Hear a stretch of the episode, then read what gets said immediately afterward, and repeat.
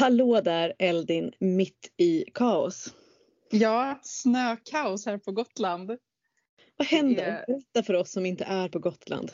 Ja, men jag vet inte om det är så hela Gotland, men jag bor ju verkligen precis bredvid havet och alltså det blåser så mycket så att det går knappt att stå upp och det är snö och träden bara ligger huller om buller. har vält i snöstormen. Men det är också så otroligt vackert. Det är bara men det är lite typ en extremsport att gå ut med, med Ivy, med min hund just nu. Men är det något så här, har de utfärdat någon varning och grejer? Det låter ju läskigt här med träden. Ja, det är en bra fråga. Jag vet inte. Kanske inte men det... med Ivy. Nej, alltså det var idag så, så tänkte jag först här, ja men, eh, ja men jag går längs havet bortåt och så går jag genom skogen tillbaka och när jag hade gått en bit längs havet så var jag så här, såg alla träd som låg typ över vägen. Jag bara, det känns inte helt säkert att gå i skogen just nu. Mm. Så bara, nej men jag får gå vid havet där det blåser typ isspikar istället. Shit alltså. Ja. Men det, är, alltså det känns ändå så här, jag kan inte, alltså, som den typ naturhäxa man är så går det liksom inte att lite mysa över de här urkrafterna också. När de bara... jag, men jag tänker att det är ändå lätt för dig att välja det här eller crazy turismen på sommaren som du pratade om tidigare? Ja, alltså hundra procent. Alltså det är verkligen så här. Jag kan gå en hel promenad utan att möta någon människa. Det, är, det är det, helt det fantastiskt. Ja, ja. Shit alltså. Mm, mm, mm. Och sen också det här med liksom eh, Ja men alltså klimatförändringarna och att det blir liksom varmare och varmare så när det kommer såna här riktiga liksom köldknäppar och det är så gamla tiders vinter då blir man ju liksom väldigt tacksam. Liksom. Det känns inte som att jag i alla fall tar det lika för givet längre. Nej, verkligen inte. Det är ju, alltså det blir ju genast varmare på ett sätt när snön lägger sig. Jag vet inte om mm. det bara är så placebo eller eh, att man Menar du typ så känslomässigt varmare eller ja, temperaturen? Ja. ja, dagarna idag, det är exakt lika kallt som det har varit dagarna innan snön kom. Men nu känns det inte lika hårt och kantigt. Mm, verkligen. Lite mysigare faktiskt. Alltså du, vi närmar oss ju liksom vintersolståndet. Alltså snart kommer ju för fan ljuset tillbaka. Har du hunnit med mörkret eller? Nej jag har inte det. Alltså, jag har som FOMO på mörker just nu. alltså, men det är ju för att liksom, jag är lärare så att jag jobbar ju, så här, hetsjobbar ju in i det sista liksom, med så här, nationella prov och grejer. Så det slutar väl precis lagom till vintersolståndet så jag får bara oh. liksom, kasta mig in i mörkret vid vintersolståndet. Alltså för du och jag i vår tradition, många liksom eh, pagans och witches, de mm. firar ju ljusets återkomst vid vintersolståndet. Men i vår, den traditionen vi följer så är ju ändå som hela tiden runt vintersolståndet så hedrar ju vi vilan. Ja. Eh, vi firar inte egentligen ljusets återkomst förrän vid inbolk liksom framåt januari, februari. Vi bara liksom så här, kanske förnimmar att det sker rent planetariskt. Att det mm, är på, liksom, precis. Någonting som är så här jätte det är inte jätte, jätteviktigt men, men däremot så är det ju så här. Jag tänker på det när man tänker att, alltså när man mm, perspektiven blir så konstiga när man sitter här nu och vi spelar in och det är början på december och så säger vi så här snart återvänder ljuset och man bara ja det är ju faktiskt vad fort det gick. Ja. Det är exakt likadant som det är vid midsommar när då mörkret återvänder. Så tänker man ju ja, inte på det någon gång i september liksom. Mm. Men man ja. märker ju inte riktigt av ljusets återkomst förrän, tänker jag, förrän inbolk börjar närma sig. Liksom. Det är ju fortfarande jättemörkt. Det är väldigt snålt med eh, marknadsföringen här av ljusets återkomst. Januari och februari. Det, det, är väldigt snålt tilltaget. Vet du vad jag har gjort idag? Nej, berätta. Jag har tagit hand om ett lik. Oh. Det gör jag varje dag höll jag på att säga. jag pratar inte om mig själv. Nej, okej. Okay. Djur, djurlik hoppas jag ändå, inte ett ja, människolik. Ja, djurlik. Eh, eh, livet på landet eller? Ja, livet på landet. Eh, tuppen, Ghost. Oh, sig för att skydda flocken i strid med Men det läskiga var ju, alltså jag vet inte om jag sa det, för, för några månader sedan så räddade jag en babyhök från eh, inne hos kycklingarna och typ fick ut den. Nej. Jo, alltså det var så här, det var helt kaos i hönsgården och så gick jag in och så var det en liten liksom, hökunge. Och den var helt så här stressad och blodig och flög in i nätet och jag bara, men hur ska vi få ut den här?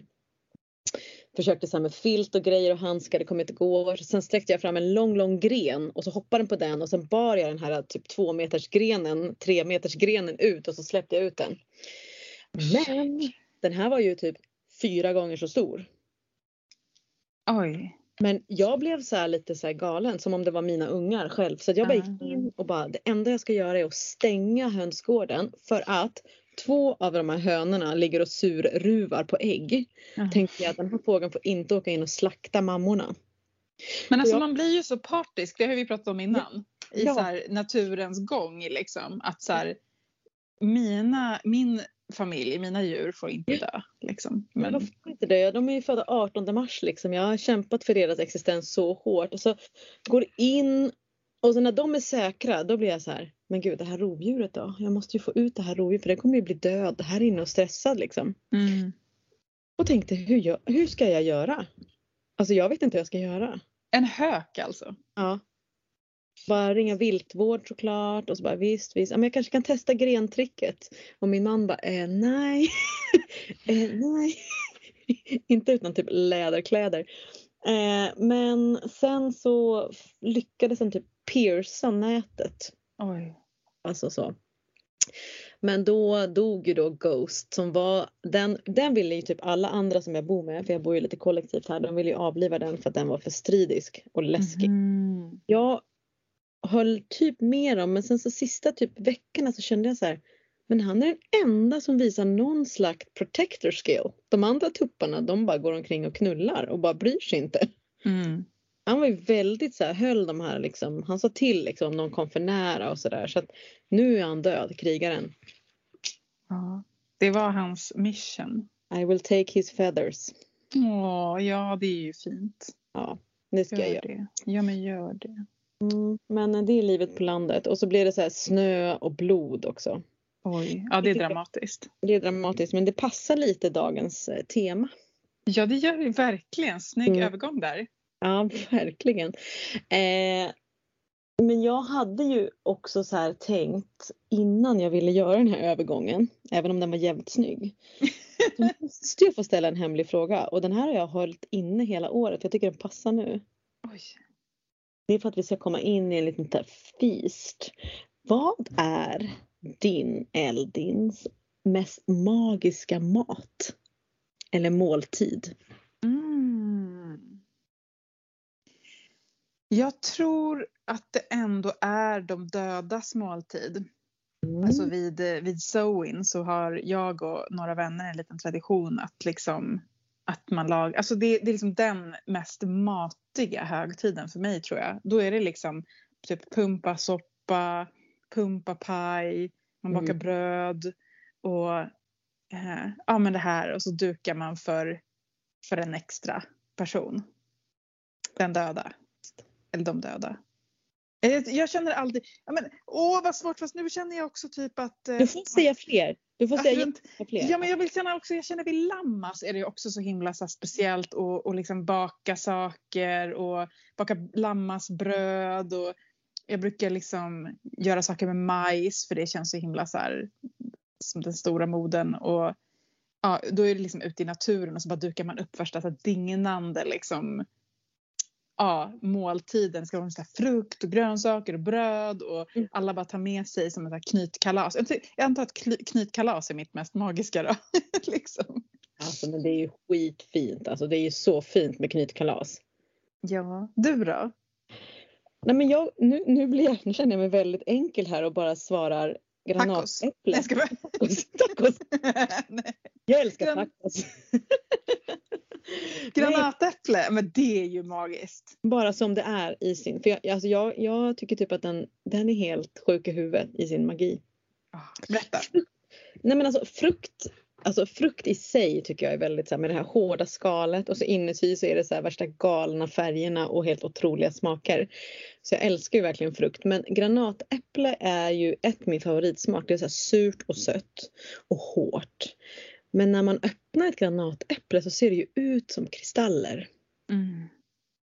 Alltså jag tycker, och det, det, det, det, är som ingen, det är ingen enkel tillgänglig frukt. Alltså det tar ju ganska lång tid att ta sig an en granatäpple. Så när man får det i en måltid så känner jag alltid så här att här har någon ändå gjort det här jobbet så att jag kan äta de här granatäppelkärnorna liksom. Mm. Och eh, jag har ju så här, eh, köper mycket frukt från, via crowdfarming.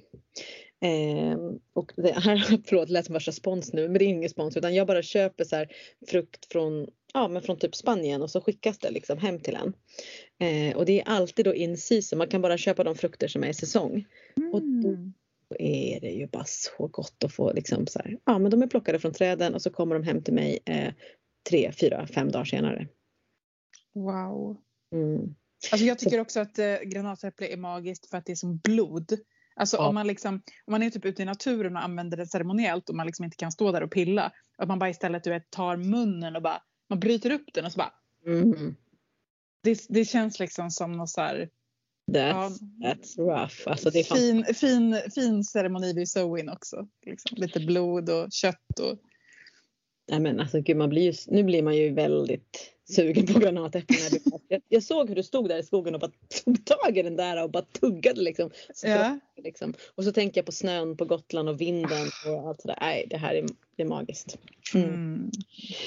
Eh, den fantastiska eh, övergången som jag hade kunnat göra där men som jag bara lämnade vidare. Och tänkte, blod i snö. ja, nu, får ni, nu får ni tänka på Eldin, granatäpplet, blod i snö och så ska vi prata om sagor.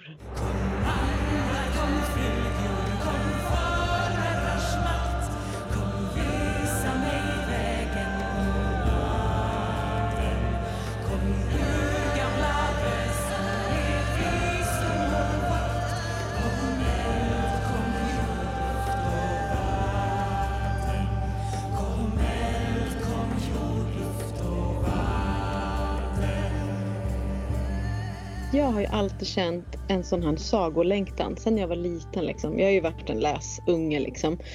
Eh, och, och alltid velat liksom, träffa sagotanter och sagogubbar och berättare av olika slag. Liksom. Kanske därför jag sen blev skådespelare på något sätt. Alltså, sagan och berättelsen är det som är, liksom, det är typ det viktigaste som finns i mitt liv.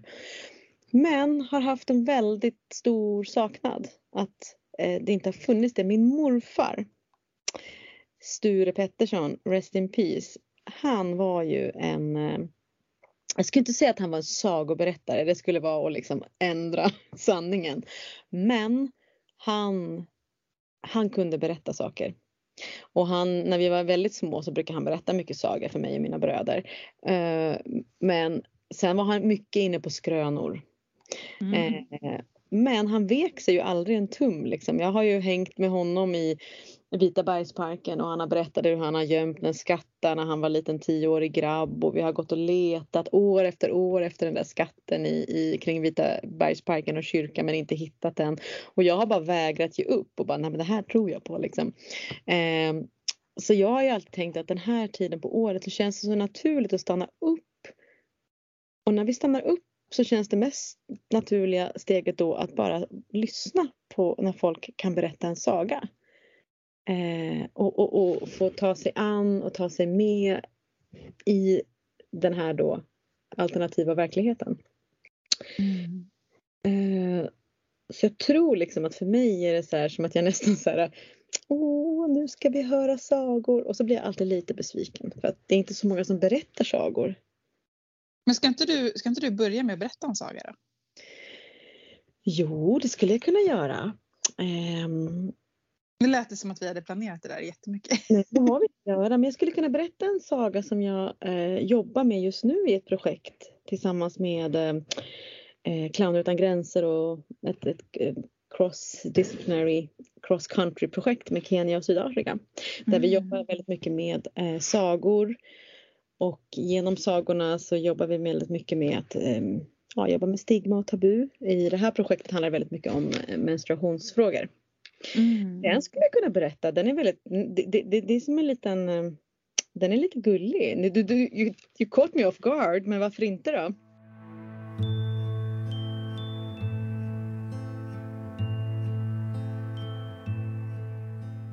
Det här är sagan om eh, stensoppan.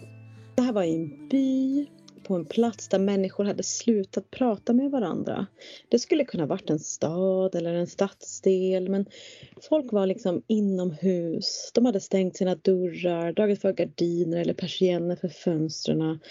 Barnen lekte inomhus. Man gick kanske till jobbet, kanske till bussen eller någonstans man skulle gå men det var inte så att man stannade och pratade och det fanns inte riktigt någon eh, mötesplats heller.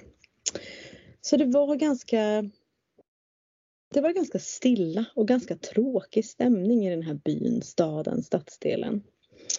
Tills en dag då det kommer en gammal, gammal kvinna. Och hon har ju kläder som är väldigt slitna, väldigt gamla. Och på huvudet så kommer hon med en stor kittel. Och hon stövlar rakt in i den här byn, staden, stadsdelen och tänker att här ska jag börja laga min soppa. Så hon drar igång en stor eld på torget och sätter sin stora kittel som hon lyfter ner från huvudet, lägger den över elden och sen så går hon några steg och släpar dit en stor sten man kan ju undra hur hon var så himla stark den här gamla kvinnan, men det var hon. Och så står hon där med sin sten och sen så börjar hon leta och se vart kan hon hitta vatten. Och det ordnar hon också, så hon har elden, hon har vattnet, hon har stenen. Och så börjar hon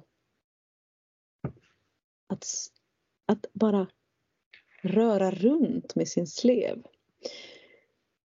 Och hon står där och nynnar lite. Jag tycker att det är ganska härligt.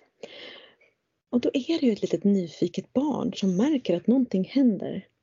Så det här barnet skymtar lite på gardinen och bara, men, men vad händer här då?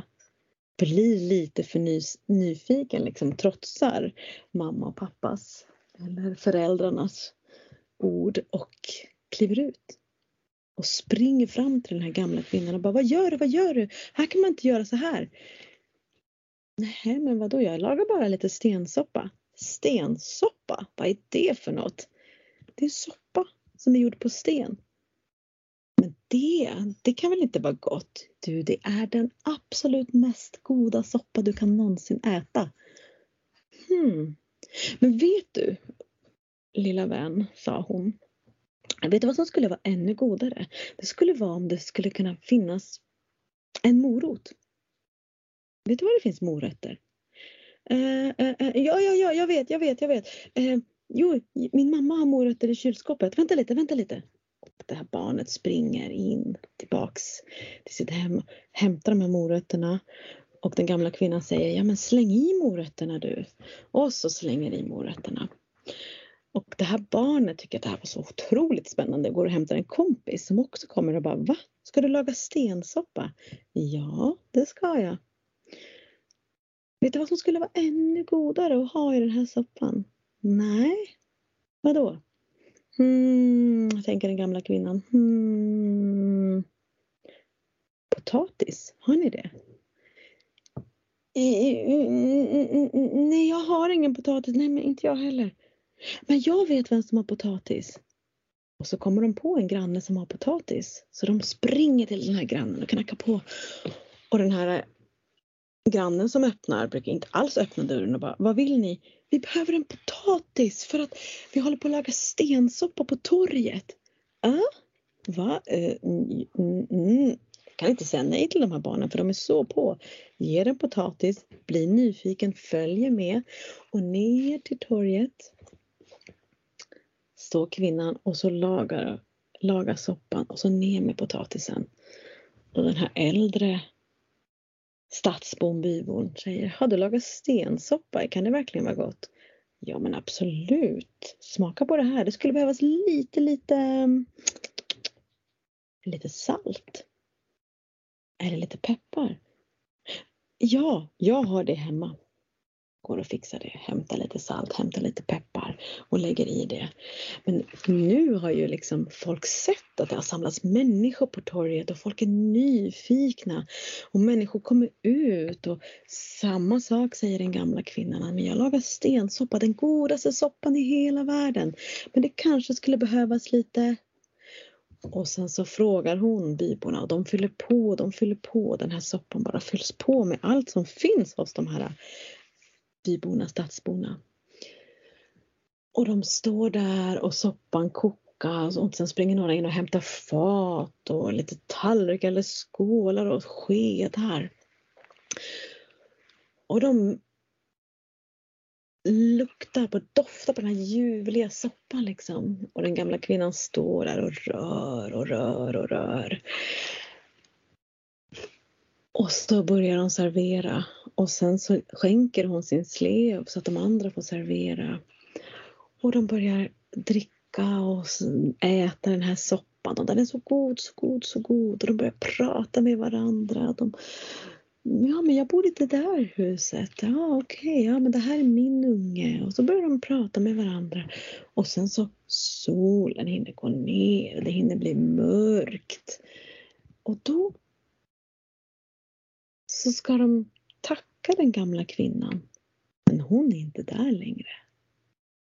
Ingenstans finns den gamla kvinnan att hitta. Men från den dagen så lagar man alltid soppa nere på torget minst en gång per år.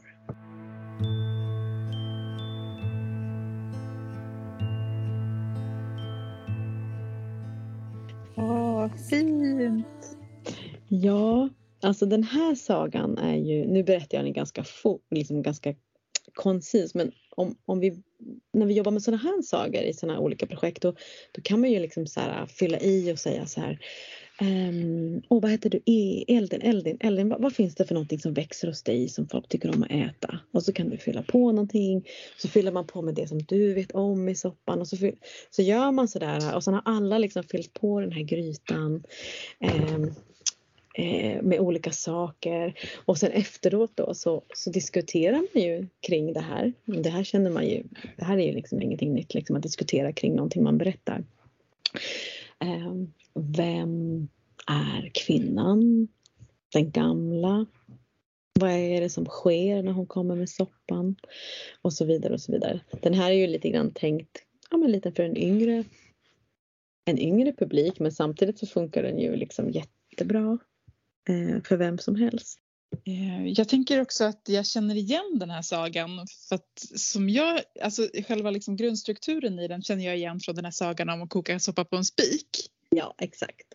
Och jag vet inte, jag tänker att det är också så typiskt sagor att de liksom eh, Ja, men att de liksom återkommer i olika former på olika platser, olika tider.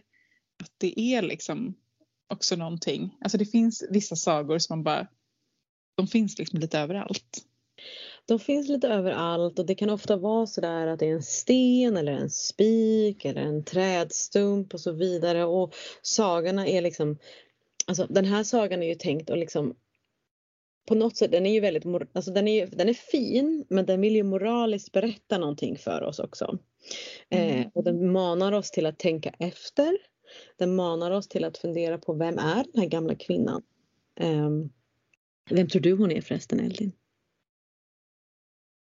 Ja, jag satt och tänkte på det.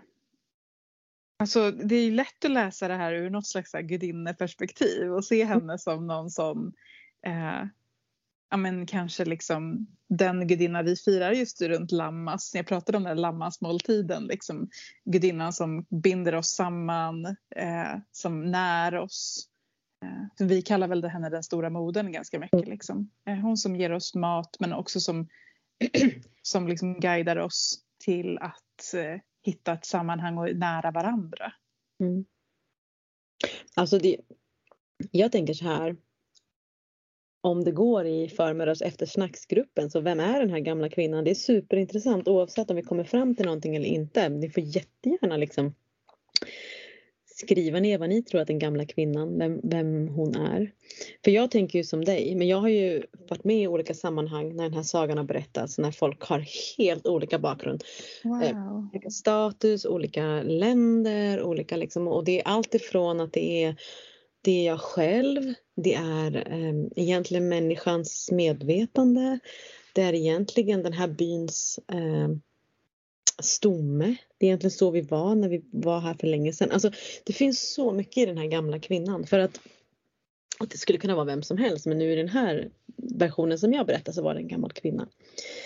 Ehm, men jag tänker att oftast nu så berättas ju inte, alltså, eller oftast, men sagor berättas ju snarare så att föräldrar läser dem för sina barn. Eller hur? Mm. Till skillnad från vad då menar du? Till skillnad från att man berättar dem och diskuterar kring sagorna. Mm. Eller kanske liksom låter eh, barnen fylla i sagan själv. Alltså en, må, många förskolor gör ju det och liksom skolan, alltså absolut, det, det, så är det ju. Men liksom alltså att många, jag tror att min poäng är att många sagor blir lästa lite som slentrian, som om det vore en bok. Mm. Men det tänker jag inte var tanken med sagor. Alltså sagorna levde mycket längre på landsbygden, de var ofta berättade av kvinnor. Och de, liksom, det fanns ganska många kvinnofigurer i sagorna. Alltså förr i tiden, utan el, ute på remote eh, countryside. Eh, och det är vinter. Det är som du säger nu, som du beskrev nu, att du håller på att falla omkull. Alltså man går ju liksom inte ut. Så hur ska man fördriva tiden? Mm. Inte heller så att man har ett eget rum man kan gå och lägga sig i och mysa. Det finns inga böcker utan man, man är ganska liksom eh, connectad till det rum som har någon slags ljuskälla eller värmekälla. Och då är det ju någon som berättar historier och då berättar man ju historier, sagor, berättelser från det som man har hört kanske när man, alltså det som går i arv men också det som kanske makes sense där man geografiskt bor. Men jag tycker det är intressant det du säger där med liksom sagorna som så kvinnligt kodade för att jag tänker att det hänger ihop också med eh, alltså i ett samhälle där kvinnor har ansvar för hem och barn mm. och kanske också liksom eh, ja, elden, härden, måltiden så blir det ju, alltså då är det ju också logiskt att, att det som Alltså om sagorna framförallt också riktar sig till barn så blir det ju liksom men, eller, eller som någonting man gör i hemmet så är det inte konstigt att det blir kvinnornas eh, liksom berättarform eller litteratur också, tänker jag. Att det är liksom därför. Ehm. Um. Ja, men de är ofta eh, liksom då, eh, historiskt kvinnligt kodade hantverk är ju med i sagorna. Det är spinnrock och det är tyger och det är vävstolar, det är bakning och det är kakor eh, och det är liksom eh, färskt bröd och det är blommor. Och alltså så här, det, det finns mycket symboler som verkligen också um, kommer ifrån, um, alltså sagorna har ju inte så himla mycket um, det är sällan det är en krigsskildring i en saga om man säger så eller någonting mm. stort och episkt. Det är ganska Eh, det, det, det är ganska lite, alltså litet är det rätt ord, eller mm, det är lite begränsat liksom var den här sagan utspelar sig. Mm. Men det är också spännande om man jämför, liksom, då sätter sagan tillsammans med andra genrer, berätt, liksom berättargenrer. Så tänker jag mm. att sagan har så på ett sätt liksom en lägre status än många andra genrer. Att det är så här, men sagan är liksom lite barnslig, det är mm. liksom inte något för vuxna. Eh, håller du med mig? Alltså jag tänker så här, jag ska testa dig du som är lärare och allt. Att jag gick in då på lärarrummet och eh, eh, ställde frågan Vad är en saga? Och då får jag det här svaret. Så får du säga nu vad du tycker om det här. Um, så Eh, en myt är en berättelse om, en gudom, om ett gudomligt skeende som har en grundläggande betydelse för människan medan sagan är en berättelse som oftast läses för barn och som har övernaturliga inslag som magi, talande djur, förtrollande skatter och mytologiska väsen. Och berättelsen i sagan är alltid eller nästan alltid ofta utformad som ett äventyr. Vad säger du då då Eldin?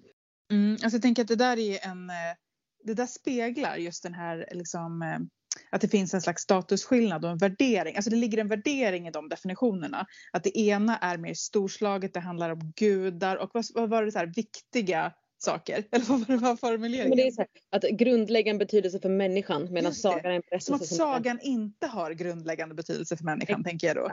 Nej. Och, eh, och, och det är liksom det som jag tänker är viktigt att ta fasta på här, apropå då det som du sa om att liksom sagan är kvinnligt kodad. Därför att liksom vinnaren skriver historien. och vad som anses liksom viktigt eh, men för mänskligheten och inte, det är ju liksom lite subjektivt beroende på vilken grupp man tillhör. Och att vi måste liksom genomskåda sagans låga status för det det är. Att det handlar om makt och status och att det som är kodat, liksom kvinnligt kodat och det som liksom har, är knutet till barn också har lägre status. Men om man, åh gud vad jag rantar, förlåt. Men Nej men jag tror så här, jag blir så upprörd. Ja men jag förstår det och jag håller med dig för att ehm, eh, den här förklaringen då som i, den här är ju framgooglad 2021 snart 2022 liksom att, att, att det är så här.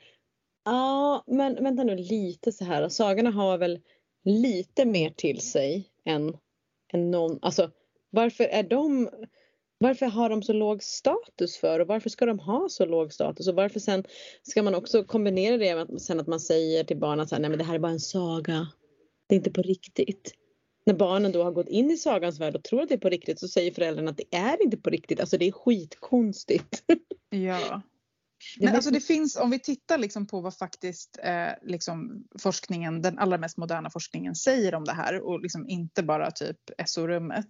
Så har vi till exempel en, en eh, jättespännande forskare som heter Jack Sipes som eh, är litteraturvetare och forskare framförallt på sagor. Han har skrivit en bok som heter Fairy Tale as Myth, Myth as Fairy Tale. Bara den titeln eh, liksom avslöjar att det är egentligen inte någon innehållsmässig skillnad på det vi kallar sagor och det vi kallar myter utan det är liksom en statusskillnad bara. Eh, så att de här, det som man pratar om myter att de handlar väldigt mycket om att liksom förmedla så viktiga mänskliga värderingar. Det gör sagor också. Vi Mm. kan läsa sagor på precis samma sätt som vi kan läsa myter. Och ehm, han, han, han har liksom studerat framförallt just hur liksom värderingar speglas i sagor och hur det liksom eh, förmedlas och förändras genom liksom olika, på olika platser och olika tider. Alltså i och med att värderingarna förändras så förändras också sagorna. Just det. Och det är också spännande om man ska bara dra en koppling för eftersom han är litteraturvetare, han studerar sagor. Och om vi tittar på inom religionsvetenskapen istället, den forskare som är idag den allra mest liksom, eh, främsta inom mytforskning, Bruce Lincoln. Mm. Han, hans definition av myter är ideology in narrative form. Alltså ideologi i berättande form. Just det. Det säger ingenting om att det ska finnas några gudar och gudinnor eller liksom nå- någonting så, utan det handlar om att förmedla någon form av värderingar i, liksom, i, i berättelsens dräkt. Och det är väl precis det den saga du berätt, just berättade gjorde. Liksom. Ja. Det, olika värderingar, olika liksom, eh, det behöver inte vara så moralistiskt som att det är så jätte, att, precis som du också sa nu, det behöver inte vara så att det bara så här ja budskapet var det här. Alltså då är det Nej. ju mer på någon slags fabel liksom, utan det Mm. är just som du säger, det kan vara, ofta vara ganska så komplext, eh, gömt liksom och att man måste föra ett samtal kring det. Men, men poängen är väl helt enkelt att Mm. myt och saga, det, det har egentligen bara en värderingsskillnad och att man kan läsa båda de här typerna av berättelser på precis samma sätt som är att ställa sig frågan vilka värderingar förmedlas här? Vad, vad lär vi oss om män, att vara människa, om att leva på den här jorden, att leva tillsammans, eh, om vår relation till olika krafter. Liksom. Jag tänker alltså Alltså så här, jag tänker om vi skulle kunna gå igenom någon saga bara för att förklara det här lite mer. Men, men bara så här, innan vi gör det, fundera bara på att om vi skulle bara, nu nämnde du ju fabel, för det finns ju så här, det finns saga, det finns myt, det finns eh, sägner, det finns fabel, det finns urban legends. Alltså så här, är det viktigt att vi på något sätt definierar skillnaden på de här eller ska vi strunta i det? Vad tycker du? Alltså jag skulle säga att det inte är viktigt därför att återigen om man går till litteraturvetenskapen och religionsvetenskapen så är det så att man kan applicera den här frågan så här ideology in narrative form. Mm. Man kan applicera det på alla sorts berättelser, även populärkultur. Alltså en Real Housewives of Beverly Hills kan studeras som en myt. alltså så här, vem är antagonist? Vem är motståndare här? Vad Mm. är liksom skatten? Vad är det för värderingar som förmedlas? Alltså det Mm. spelar ingen roll om någonting är verkligt, om det utger sig för baserat på en verklig historia, om det är helt påhittat, om det finns övernaturliga inslag. Alltså själva läsningen är ändå, man kan liksom uttolka det på samma sätt ändå med samma verktyg. Om vi tar typ eh, Rödluvan. Ska vi inte prata lite om Rödluvan? Jo, kul att du tar just Rödluvan då eftersom att Jack Sipes har skrivit ett helt, eh, en hel bok om eh, Rödluvan som heter The Trials and Tribulations of Little Red Riding Hood. Det kanske är bra ändå att börja i början av Little Red Riding Hood eller vad folk tror i början av eh, Rödluvan. Mm.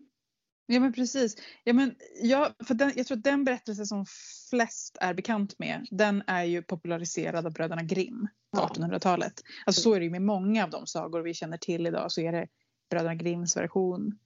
Och det är ju den här klassiska versionen när Rödluvan ska gå till mormor och möter eh, en varg som försöker lura henne av stigen. Mm. Och eh, hon luras av stigen också och blir därför försenad till mormor.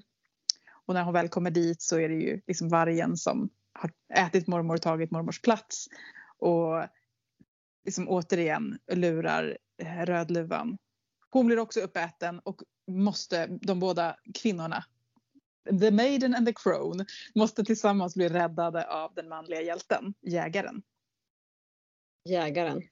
Som från början var en skogshuggare eller en woodworker och numera är en jägare. Just det.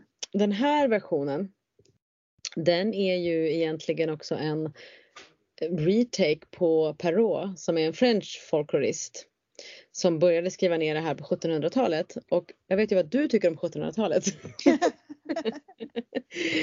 Ehm, och då är det liksom så här, hallå ursäkta mig, berättar du vart du ska till en främmande man slash varg att du ska till din mormor. Det är väl klart som fan att han går dit och försöker take advantage. Liksom. You better know better. Liksom. Eh, och så liksom, ja, då gick det bara ut på, alltså den sagan med Perrault var ju bara så här, ja nej, men vargen gick dit, åt upp mormor, åt upp eh, Rödluvan, så var det slut. Just det, det, det finns liksom ingen happy ending där. Nej, och också så ska man tillägga att i, den version, i Perraults version så är det också så att Rödluvan blir tillsagd av vargen att krypa ner i sängen Ja just det. innan. Så det finns också en sån sexuell underton där. Det- Liksom, att hon också ja. är, alltså det finns ju en sexuell underton i Rödluvan generellt men där är den väldigt tydlig. Liksom. Tydlig. Jag tänker också att det är skillnad på Perrault där för att den, den har ju, alltså den är så uttryckligen moralisk, alltså alla de berättelserna. Och så finns det ju som i slutet av Perraults version så finns det en så här liten, då står det så här moral. Liksom, och så finns det en så förklaring. Precis det som du säger att det är meningen att man ska diskutera sagorna. Så talar Perrault om det här är budskapet som Ja. du nu ska lära dig. Helt missat sagornas mening och bara, nu, det här ska du lära dig. Lita inte på eh, liksom främlingar, lita inte på män. Ja. Men jag vet också att eh, br- bröderna Grimm, de skrev om den här historien. Eh, men de skapade faktiskt en, en version innan det blev den här versionen som är mera känd nu. Visste du om det här? Nej, men jag känner igen det men jag kommer inte ihåg. Nej men då ska jag bara berätta. Enlighten me. Ja, nej men alltså då, då, eh, då, och den här påminner lite mer om den här som vi ska komma till, den här urgam, eller ur, ja men nu Mm. ganska gamla myten. Men då är det ju så att liksom att eh, eh, Eh, Little Red Riding Hood eller Little Red Cap kallar de henne för, liksom, röda manteln. Och ehm, så då är hon så här liksom i skogen och hon ignorerar faktiskt vargen. Alltså hon bara, nej men jag tänker inte berätta vad jag ska liksom. Så här, jag gör min egen grej liksom. Eh, och farmor låter inte vargen komma in. Men, men, men vargen går utanför stugan och försöker komma in på olika sätt. Och till slut liksom eh, Rödluvan har kommit in till eh, mormor och liksom så här, men hallå vad ska vi göra? Och då liksom så här lurar de vargen de bara kokar och grillar en jättemassa korv eh, under eh, skorstenen. Och, så, så, så, un, alltså de grillar korven och sen under skorstenen så är det en stor kittel med jättemycket varmt vatten.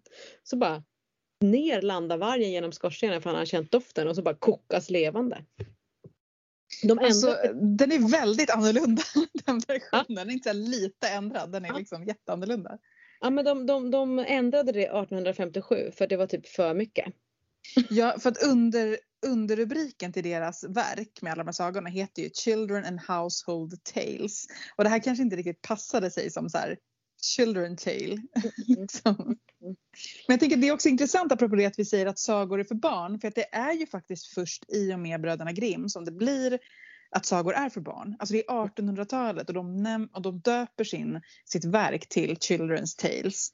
Eh, och det är egentligen faktiskt också så, om man bara tar ett steg till, så är det så att barndomen som koncept tillkommer på 1800-talet. Innan dess så finns det inte liksom barnkultur på det sättet liksom, utan så att innan, barn... innan Bröderna Grimm är det ju inte barnberättelser, då är ju sagorna för alla.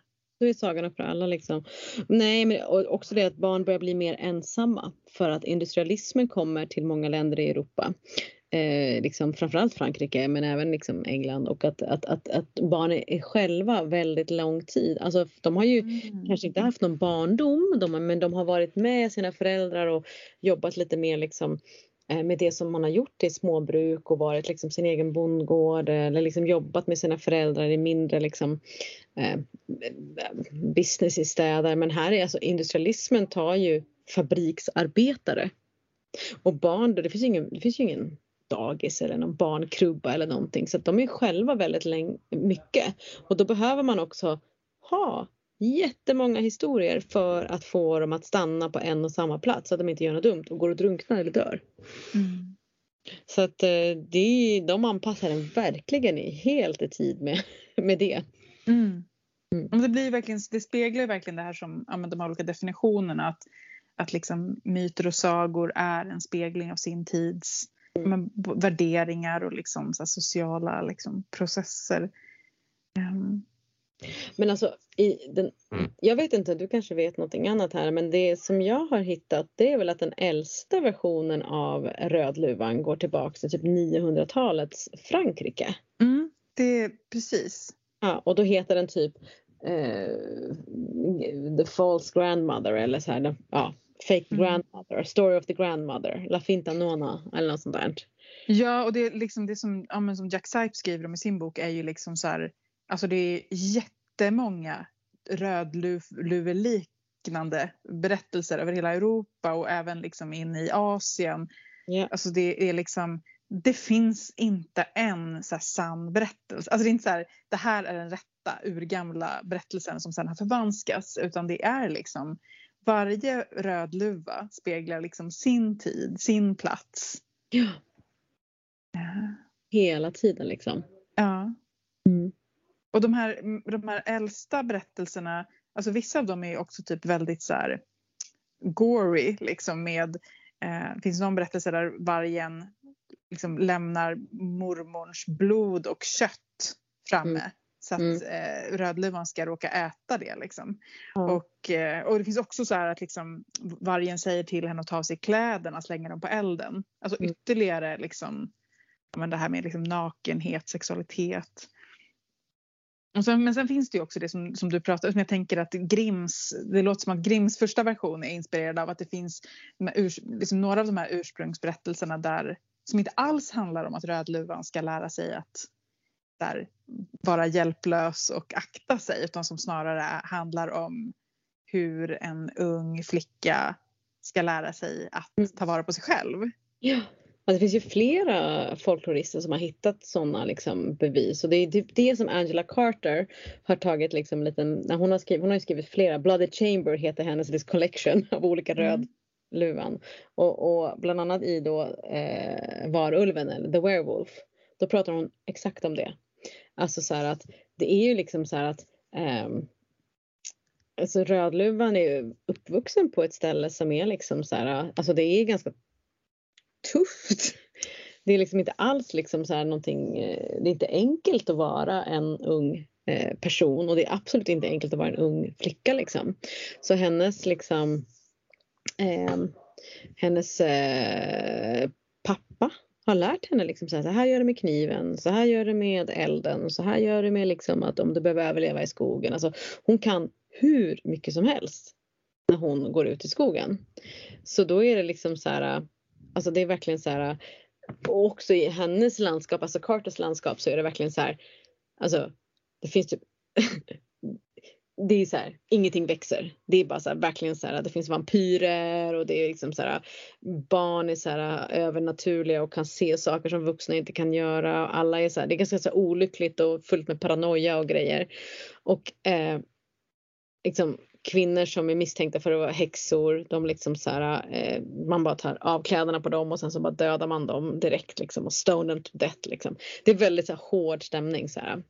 Så när hon då eh, går i, ut i skogen för att liksom eh, möta sin eh, mormor, då är hon liksom dotter av en jägare.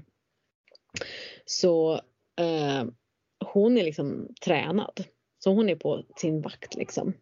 Och eh, hon är på sin vakt mot män, hon är på sin vakt mot vargar, vilddjur, allting. Även liksom andra kvinnor liksom, för man vet inte. Men i den här sagan så är det verkligen så här eh, män är typ werewolves. Eller vargar är män. Eller werewolves. Liksom man kan inte veta, är det man eller är det en, en, en varg eller är det liksom så här. Och de är inte snälla i den här i, historien liksom. Och eh, så hon är up for grabs liksom. Men eh, hon då liksom, hon klarar sig genom skogen more or less för hon är så himla hård och tuff. Men sen när hon kommer till eh, mormors hus så har typ liksom eh, mormor blivit en varulv. Eh, och då liksom så här, eh, hur ska de kunna göra det här liksom så här, äh, men, eh, och, och Rödluvan bara, nej men jag dödar min mormor, hon är en varulv. Jag säger att hon är inte min mormor längre så bara dödar hon, hon mm. sin mormor. Och sen liksom så här, kommer en annan varg och, och Rödluvan bara dödar den också. Eh, och bara så här, jag tycker inte det här, jag ska överleva i den här världen. Alltså så här, otroligt liksom vad ska man säga? Hon bara så här, ja, ah, nej men I cancel everybody, I'm on my own. Jag har lärt mig mm. det här. Liksom. Eh, och så, så här, det spelar ingen roll liksom. Eh, väldigt individualistiskt på något sätt. Så den är mm, kanske också liksom som ur ett perspektiv av någon som är väldigt utsatt, liksom bara mm. måste göra, mm. göra allt för att överleva. Liksom. Ja. Sen har hon skrivit fler liksom, som har helt andra utgångar där det blir tvärtom. Liksom. The Company of Wolves och Rödluvan är helt liksom. Ja men nu ramlar poletten ner.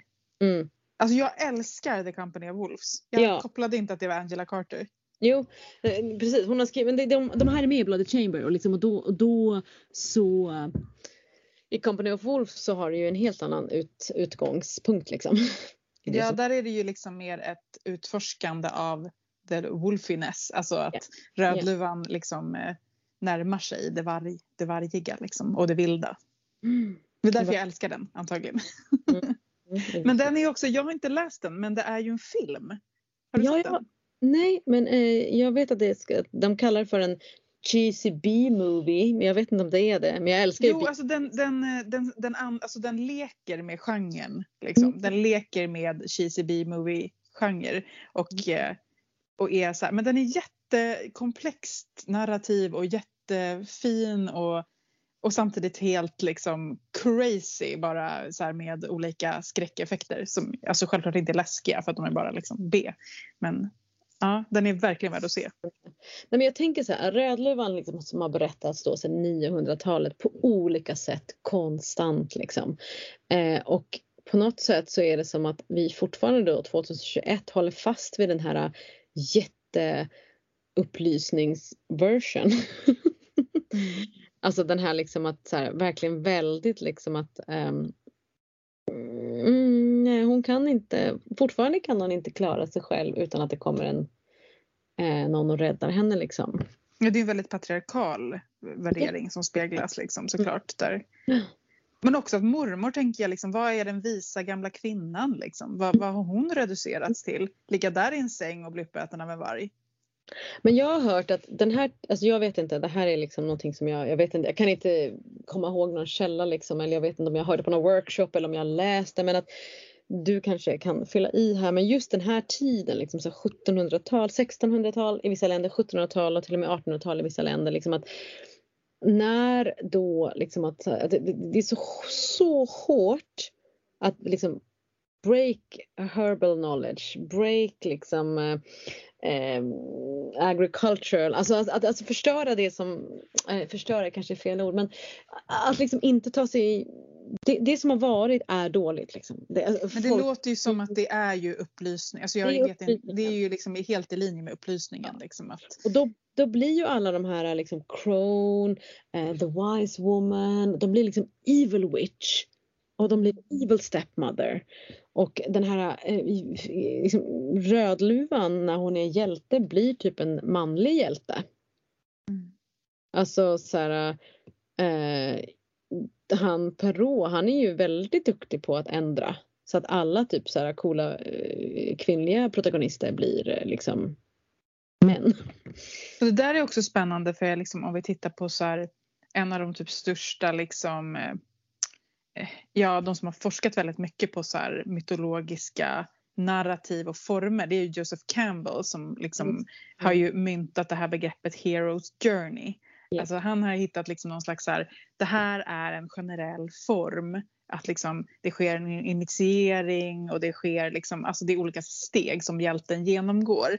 Och den har ju fått ett jättestor liksom, stort inflytande men den har ju också verkligen kritiserats jättemycket för att vara väldigt så här, manligt fokuserad. Det är liksom till exempel Alltså det är så här, I initieringen så ska hjälten möta gudinnan i någon form, behöver inte vara gudinna liksom. Och sen, finns, sen ska också hjälten möta woman as temptress, alltså typ någon form av så här, the witch liksom. Och alltså det är ju väldigt så här horan och madonnan liksom. Jag tänker liksom att det här Heroes Journey bygger väldigt mycket på en så här patriarkal och också kanske kristen tradition med just horan ja. madonnan. Liksom. Vad är den liksom, kvinnliga eller liksom, icke-binära, icke-manliga hjältens berättelse? Nej men verkligen för han, för den här, för liksom enligt Campbell också så ska han ju verkligen så här hear the call of adventure och liksom the road to trial. Mm. Och så, mm. så här, return, in, integrate with the new world av allt han har lärt sig. Alltså så här, det, det är väldigt trist på något sätt. Men det är lite så här, man kan typ, för den som liksom behöver något så här konkret så tänker jag att det är lite så här Sagan om ringen. Alltså det är väldigt så här, Frodo får the call of adventure och så mm. möter han, meeting with the goddess, det är väl typ när han möter, eh, vad heter det, eh, kommer till Lothlorien och möter Galadriel. Liksom. Alltså så här, får mm. liksom den här. Och sen så, ja vad finns det för ondskefulla kvinnliga karaktärer då? Honmonstret kanske, spindeln. Ja, spindeln absolut, som är fantastisk. Som ju är en symbol för The Crown. Som är en alltså så här, om vi skulle glida in då på en del eh, mer sådär eh, författare som typ um, Clarissa Pinkola Estes och Sharon Blackie som jobbar väldigt mycket med The Heroine's Journey. Mm. De jobbar ju väldigt mycket med att så här, okej, okay, get the point Joseph. Tack för det. eh, men, men liksom att, att, eh, att de jobbar ju med sagor och myter och berättelser för att det handlar om att så här, vi måste liksom mm, reroot ourselves in the land. Och vi måste liksom så här, eh, på något sätt hitta de här sagorna. Det, det, det räcker inte bara att hitta de gamla sagorna utan vi måste se hur kan vi använda de här sagorna idag och vad gör det för oss i våran community när vi, alltså som, som, eh, som kvinnor framförallt liksom så här, eftersom kvinnorna blivit väldigt marginaliserade i folksagorna de sista liksom, hundratals åren. Eh, att det handlar väldigt mycket om belonging. Mm. Heroines Journey handlar väldigt mycket om belonging, i att hitta sig själv i de här sagorna. Alltså Sharon Blackie och Clarissa Pinkola Estes, alltså Women Who Run With Wolves och If Women Roost Rooted, två böcker som jag älskar väldigt mycket. Där pratar de ju väldigt mycket att vi har liksom glömt någonting. Vi har glömt gamla sagor, gamla myter, gamla också kanske filosofiska aspekter. Um, och att vi har liksom glömt um, mm, hur ska man säga, liksom att vi har glömt hur vi ska komma in till vårt eget psyke, till vår egen själ. Eh, och att sagor kan hjälpa oss att göra det. Och när de pratar då om själ här så pratar de lite om så här, the caged woman or the caged person. Att man liksom har känslan i kroppen att man ska göra någonting annat men man blir förminskad och satt att göra det här och det här och det här. Eh, klassiskt då är ju då liksom att du ska vara en mamma och en husfru och ta hand om hemmets alla saker. Och allting som är utanför hemmet det är ju inte för dig liksom. Utan det är för mannen. Och nu ändras ju världen och speciellt i Skandinavien ser det inte alltid ut sådär men man, längre men vi dealar ju lite med arvet kring det. Och att då pratar ju de två mycket om att använda sagorna för att komma i kontakt med sin vilda natur, sin vilda eh, fantasi, sin imaginary self. Eh, att det handlar väldigt mycket om så här, men är det inte bara så om vi liksom jobbar med de här sagorna eh, kan vi liksom, vad händer när vi liksom lyssnar på dem, när vi hör dem, när vi sätter oss själva in i de här sagorna. Eh, tänk om de här sagorna har en faktisk mening för oss som existerar här idag. Eh, bägge två av de författarna använder ett ord som är grekiskt som heter psychopomps som är ett grekiskt ord som betyder soul guides. Kan de här sagorna vara soul guides för moderna människor idag och framförallt då moderna kvinnor idag? Vilka sagor är det de pratar om? För jag tänker att eh, som jag tänker, om till exempel om vi tar Rödluvan, så är det så här, det är ju inte en saga. Det är ju liksom tusentals sagor beroende på var och när vi läser den. Liksom. Menar de sagor som har funnits eller menar de sagor som vi skapar idag? Eller? Ja, men de menar sagor som har funnits. Alltså, om, jag kan ta en saga från Sharon Blackie om du vill. Ja. I thought you never ask. Hon har gjort ett arbete i den här boken If Women Rooted som handlar om så här att många, då hon kanske är runt 60, att många kvinnor i henne, hon är från ehm, um, UK, många kvinnor i hennes ålder liksom lever sina liv i ett wasteland. De som hon pratar om i boken, liksom, alltså att man inte hittar till det som man är man menad att göra eller ska göra utan man fastnar någonstans liksom i att vara en, en bra mamma, en bra hus, housewife, en bra liksom eh, arbetare, bra liksom hela tiden. Eh, och att liksom tappa bort sig själv i något slags wasteland och det leder då till liksom missbruk, ätstörningar, alkoholmissbruk, eh, drogmissbruk. Eh, man har sex fast man egentligen inte vill ha sex bara för att man ska ställa upp på det, liksom att kroppen dör. Alltså så i kort liksom handlar hennes böcker. Eh, och hon tar sin utgångspunkt i sagor. Eh, den här sagan som handlar väldigt mycket om eh, ett maktövertagande den är ifrån en det här är också lite kul eftersom jag är ju gift med en man från Bretagne så att jag får ju ofta ibland liksom koppla ihop liksom de här franska sagorna direkt ihop med de keltiska sagorna för jag menar Grande Bretagne är Bretagne heter det på franska. Det är liksom en och samma kontinent. Alltså de menar ju att Arthur bor liksom i Bretagne lika mycket som att han kanske bodde i UK. Liksom. Ja, Bretagne var ju keltiskt. Det var ju keltiskt, det är keltiskt, det är väldigt mm. keltiskt. Väldigt, yeah liksom, storytelling. Så den här sagan är ju då eh, Percival le Graal. Eh, så det är ju från Arthur-myten, The Fisher King. Eh, just den här delen av sagan heter The Elucidation. Vilket betyder typ, eh, jag googlade det för att försöka förstå ordet och det betyder typ explanation that makes something very clear. Clarification. Mm.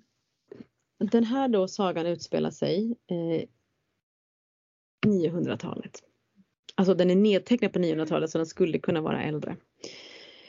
Ehm, det här är då i en tidpunkt där eh, det finns en balans mellan människa och jord. Det finns ett ansvar mellan liksom att vara människa på jorden så innebär det att vi tar hand om den eh, jord vi lever på. Vi tar hand om de gåvor som jorden ger oss och det finns liksom en balans hela tiden. Det är sagans ursprungspunkt.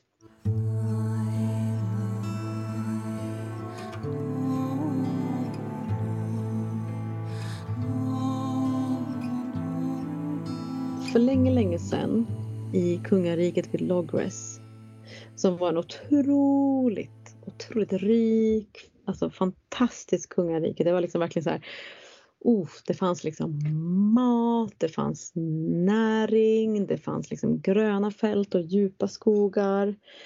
Eh, människorna brydde sig om det här landet och kungen brydde sig om det här landet. Det var en fin liksom, balans mellan kung och drottning och, och, och de som bodde på landet och tog hand om landet. Allra liksom mest heliga som fanns i det här kungadömet, drottningadömet, det var ju de, liksom, de heliga vattenkällorna. För just vid det här kungariket så var det verkligen så att alla som reste behövde passera. Så det var väldigt viktigt att det fanns vatten för förbipasserande. Så man hade liksom helt enkelt gjort så att det fanns speciella flickor, jungfrur som tog hand om brunnen, well maidens de vaktade de här brunnarna men de tog också hand om den. De liksom såg till att de inte växte igen. De såg till liksom att alla väsen på plats fick sitt dagliga offer. De såg till att det inte var, blev liksom förgiftat eller att det föll massa saker i vattnet som inte skulle vara där. Och om någon då som reste förbi Eh, kom, kom dit och var törstig så erbjöd de vatten i sin gyllene bägare. Och de kunde också få mat om de ville, om de var hungriga och så vidare. Eh, och alla som reste fick det här vattnet från de gyllene bägarna som de här eh, Protectors of the Well höll liksom i. Och det var som en service till Moder Jord att ge vatten. Men en dag så kom det en kung. Han var inte van att resa kring det här kungadömet i Logres. Han var inte alls helt van vid um, hur kutymen var och så vidare. Och han var en väldigt Ja, man skulle kunna säga att han var en väldigt elak kung men man kan också prata om att han faktiskt var riktigt jävla vidrig. För han brydde sig inte om att det fanns en överenskommelse mellan land och människa, mellan Moder Jord och kung och drottning. Utan han ville ha det som han kunde ta för sig själv och han ville att det skulle växa och bli större och mer. Den här kungens namn var Amagon. Och hans egentliga uppgift som kung, och det visste han ju om, det var ju att ta hand om landet. Det var ju att se till att det skulle liksom växa och ge massa grödor och det skulle finnas tillräckligt för alla människor som levde där. Men han var liksom mm, inte intresserad av det. Han ville ha mer för sig själv helt enkelt. Tyckte liksom att det finns så mycket så jag skulle väl kunna ta lite till mig själv och lite mer och lite mer och lite mer. Mm. Så i alla fall, så han hans uppgift som kung är ju helt enkelt liksom att se till att Alltså om en kung reser så är det ju verkligen eh, så att se till att de här som vaktar källorna har det bra och att allting, allting är som det ska med dem. Liksom. Men den här kungen, mm, mm, mm. nej, nej, nej. Han struntar helt fullständigt i att de här eh, well maidens är egentligen källans röster, alltså Moder Jords röster. Han bryr sig inte han liksom är ute och reser. Och en dag så ser han en av de här vackra, snälla, trevliga, härliga well maidens, jungfrur som vaktar den här källan. Och han blir tillfrågad och tar emot lite dryck, vilket han gör. Han får lite mat och han tar emot det. Och så, så tänker han bara så här, ah, men om jag mat och dryck. Jag skulle kunna få lite mer, eller hur? Bara på The Maiden är liksom så här. Um, drar sig tillbaks. Men nej, han tar henne och han tar henne med våld och han sliter sönder hennes kläder. Han låter liksom han låter liksom ingenting vara kvar på hennes kropp. Han välter ut hennes bägare med vatten. Så han våldtar henne och hans soldater ser på. Alltså på riktigt, den här kungen begår övergrepp mot Moder Jord. Och ingen gör någonting. Och den här unga flickan, jungfrun, skriker på hjälp, gråter, men ingen gör någonting. För de är rädda för honom. De är rädda för kungen, de andra männen. De gör ingenting.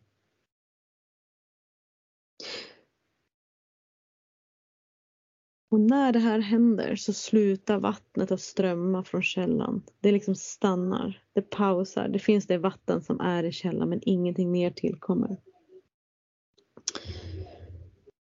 Men det slutar liksom inte där utan kung Amagon han säger jag har tagit henne, ni kan också ta henne till sina soldater. Och han stjäl den gyllene bägaren som är den bägare som de här jungfrurna har gett vatten till alla resande genom alla årtionden, alla århundraden. Den tar han, för den vill han ha. Och han tar henne och säger du ska vara min. Du ska servera mig mat och du ska servera mig dryck och jag ska ha din kropp när jag vill ha din kropp. Och det här det tog inte lång tid innan det här faktiskt blev kutym. Varför ska man inte få lite mer än bara vatten och dryck när man kan få allt det här? Kung Amagon fick det, då borde vi också få det. Och män slutade att lyssna på det heliga förband som fanns mellan jorden, mellan kungen, mellan drottningen och det ansvar som fanns mellan att vara människa på jorden. Och började att våldta, förstöra, förnedra, förgöra. Och på, den här, på det här sättet var det att hela kungadömet i Logres började att förlora sin röst. Källans röst blev tyst. Löven dog på träden. Vattnet slutade flöda. Ängar, fält började bara liksom, ingenting växte längre. Det blev liksom ingenting av den här frodiga näringslika platsen. Inga fiskar levde i vattnet, ingen mat fanns.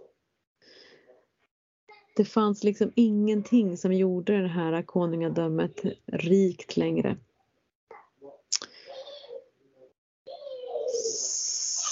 Så den här sagan den slutar inte där utan den bara fortsätter och lämnar oss där vi är idag helt enkelt. Att vi är kvar i detta wasteland som skapades då när man slutade lyssna på brunnarna och när man slutade att ta emot vatten och mat och tog för sig av det man ville.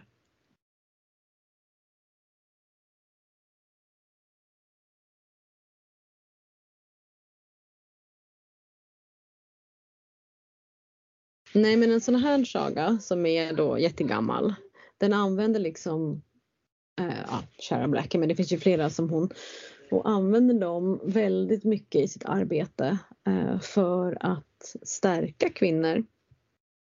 Eh, att ja, men tap into their potential kanske man kan säga lite kort och dåligt förklarat. Liksom att, att, att, så här, det finns någonting mer som är du inte bara det som du tror att du ska göra. För det är väl det som den här sagan egentligen på något sätt handlar om. Liksom, att någon har tagit någonting ifrån dig mm. för länge sedan. Och jag tror att när man berättar sagor, äh, sådana här sagor kan man berätta på olika sätt. Um, jag tror att det väcker, eller jag tror inte det utan jag vet liksom att det väcker någonting i människor som hör det. Alltså någon, det är ungefär som att sitta framför elden. Det väcker någonting i oss som vi vill tro på. Men är det också det att, att sagorna som, som den här sagan, den, eh, ger ju en slags, eh, ger ett slags hopp om ett förflutet som inte är som vi har det nu. Alltså, eh, att om det en gång i tiden har varit på ett annat sätt skulle det också kunna bli på ett annat sätt i framtiden. Mm. Jag tror jag det. tänker, det är kanske också det som liksom de gam- varför vi tycker det är intressant med de gamla berättelserna av Rödluvan. Alltså det, och det är på samma sätt som att vi intresserar oss för forntida gudinnor och allt möjligt. Att det liksom handlar om också att titta på berättelser bortom patriarkatet. Men sen också tänker jag liksom att det finns också, alltså förutom att man kan läsa berättelser alltså som är så gamla att de kanske, att de kanske föregår patriarkatet eller i alla fall kristendomen. Mm. Så, kan, så finns det ju också så här motkrafter. Liksom det finns underströmmar. Alltså samtidigt som upplysningen, samtidigt som Ja. patriarkatet så finns det också alltid motkrafter och att de, liksom, de visar sig som små sprickor i berättelserna. Eh, som små liksom, ledtrådar på att här finns någonting.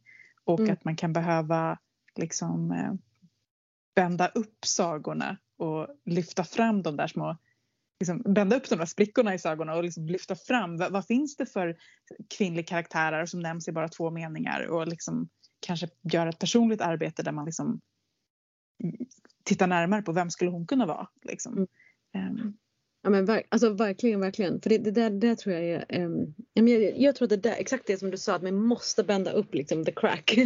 För att det, det finns så otroligt mycket, alltså den här sagan är ju egentligen i kort ett, ett maktövertagande.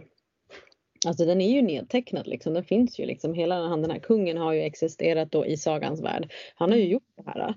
Eh, Så någonstans så, så är det ju det är inte klart att det är sant för det är ju inte en faktabok men, men det finns någon slags eh, nedteckning av ett maktövertagande. Och det kan det ju finnas i flera sagor liksom och man kan väl tänka sig att eh, innan det blev liksom kutym att man berättade sagor lite mer upper class så var det här liksom folksagor och folksagornas uppgift från början var ju inte bara att exakt som du sa tidigare, att, att liksom skrämma barn, eh, moralisera för barnen. Det var ju också att minnas någonting. Mm. Så det tycker jag, ibland får jag, alltså jag blir väldigt liksom stärkt av sagor för att jag tänker så här, mm, men det, är, det finns ett annat minne, ett kollektivt minne där vi faktiskt, Eh, för att visst det här är ju våld mot, det är ju våld mot kvinnor, men det är ju otroligt våld mot eh, Moder Jord. Och om man tänker då att nästan alla moderna kyrkor är byggda på en källa. Alltså de flesta kyrkor är byggda över en källa. För det var där folk möttes. Så är man hedning så är det ju såklart att man möts vid en källa med vatten och då bygger man såklart en kyrka på det och stoppar flödet. Liksom. Hela Härnösand är byggd under en källa. Mm. Alltså jag tänker liksom att så här, det är så att man bara, man bara alltså att, att dem, och just så här källa också är så himla, det är ju så här vattenreserven för många stora städer och så liksom bara dämpar man det, man bara trycker till. Mm. Man bara nej, nej det här går inte liksom. Eh, och det, ja, det, det är en stark symbolik i det på något sätt. Och sen tänker jag också på en grej. Alltså så här, jag börjar mer och mer känna så här att, att när det gäller att idealisera det förflutna eller så här att liksom typ drömma om ett förflutet när det någon gång har varit så här, inte patriarkalt och inte våldsamt och så. Så tänker jag så här. Alltså jag vet inte om, om det för mig är en fruktbar väg att gå. Därför att alltså så här, om man till tänker sig eh, den tiden där de här myterna kan ha tillkommit så är det ju så här, men låt säga före kristendomen i Norden så var det ju fortfarande väldigt patriarkalt. Det är Ja. liksom, Vi har i princip inga spår av en tid när det inte var patriarkalt. Det är bara liksom egentligen en he- alltså, det, det är väldigt fragmentariskt som vi kan pussla ihop. Eh, och en annan sak som jag tänker som, som i den här sagan är att det fortfarande, även om nu den här kungen var ond så pratas det fortfarande om ens att det finns kungar och drottningar. Vilket speglar en enorm hierarki. Alltså även om då, så här, det skulle vara en god kung så är det så här, det är antagligen ett slavsamhälle. Liksom. För det, så jag tänker att så här, jag tänker att för mig finns det liksom en risk med att idealisera det förflutna och jag skulle hellre vilja jobba med sagorna liksom i hur vi skapar berättelser nu. Alltså hur, att, att jobba framåt mm. än att gräva i det förflutna. Alltså gärna använda sagorna men inte så här. Jag tänker så här, vi behöver inte legitimera vår ideologi, våra värderingar. Alltså, om det visar sig att det har aldrig någonsin funnits en ett, feministisk värld så spelar det ingen roll. Vi kan fortfarande kräva att det ska finnas nu och att det ska finnas i framtiden. Hell yeah. Nej men jag håller med dig till 100 procent. Alltså jag tänker att det finns båda. Det, jag, jag, jag tror på något sätt liksom att så här, you find comfort i att narrativet ändras. Att du, om du känner styrka, mm. stöd i att det finns en annat förflutet, ett annat ursprung, go for it liksom. För att jag tror att det är viktigt liksom för förändringsarbete att tänka att så här att det var inte bara liksom, man ropade inte bara Valhall, man kanske ropade folkvagn också. Ja. Alltså att det kanske finns, liksom det, eftersom den andra narrativet har tagit över så mycket. Ja. Så det finns en liksom styrka i att så här, nej men de här sagorna går parallellt med mig själv och så vidare. Men håller 100% med dig att liksom det vi måste göra är ju liksom att skapa de här, eh, skapa sagorna som är moderna och för att liksom på något sätt nå till det samhället liksom, oavsett om det har funnits eller inte. Liksom. Men det som känns mer naturligt och mer in line med Moder Jord för att inte skapa mer ecocide mm. är ju att, att, att uh, inte vara som, som den här kungen. Liksom. Alltså jag tycker, tack för att du nyanserade vad jag just sa. Jag håller verkligen med dig om det. Att jag mm. tänker så här, ja, inspireras av det förflutna. Hitta liksom att så här, där den patriarkala berättelsen har tagit makten och blivit den enda. Att lyfta fram att nej, men det har funnits andra berättelser, 100 procent. Men att mm. liksom inte så här, försöka hitta någon så här, ny enda berättelse. Om du nej. förstår vad jag menar. Alltså här, det nej. finns en urberättelse som var den typ goda. Utan jag tror att det har funnits en miljon olika berättelser av olika moral. Liksom. Och att fler berättelser behöver få komma fram men inte att det typ finns en, ur, en god urberättelse mm. som var feministisk och utopisk. Liksom. Det, det, kanske fanns men jag tänker att det är inte så fruktbart att leta efter den. Liksom, för yeah, yes. Who knows liksom. Who knows you know. Mm. Uh, men alltså de som vill göra det får jättegärna göra det. Alltså jag pratar ja, från, från min, mitt perspektiv. Ja, nej men hoppet är väl alltid jätteviktigt och styrkan i det. Men jag tänker så här, apropå moderna sagor så eh, en god vän till mig som heter Stina Gray, hon är ju liksom modern sagoberätterska, Sagovanderska. Hon, liksom, hon är från Nya Zeeland och hon är från Sverige och hon vandrar liksom och, och lyssnar och det här tycker jag är superintressant för det här är något som jag har jobbat med i flera år. Att lyssna på de sagor som finns begravda. Alltså det är ju egentligen en kanalisering. Vad har den här platsen för saga? Hur kan jag berätta min saga på den här platsen? Vad är det som finns här?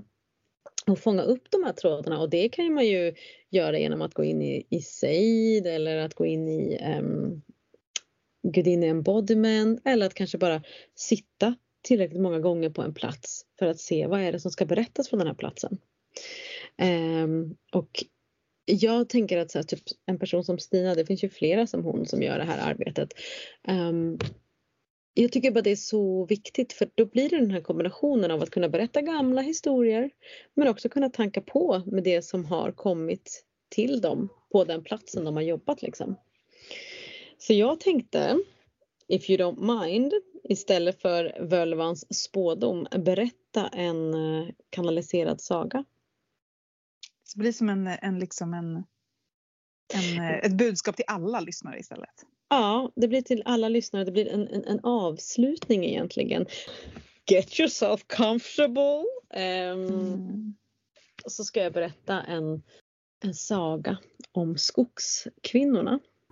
Rymdstora rymd, gammelmödrars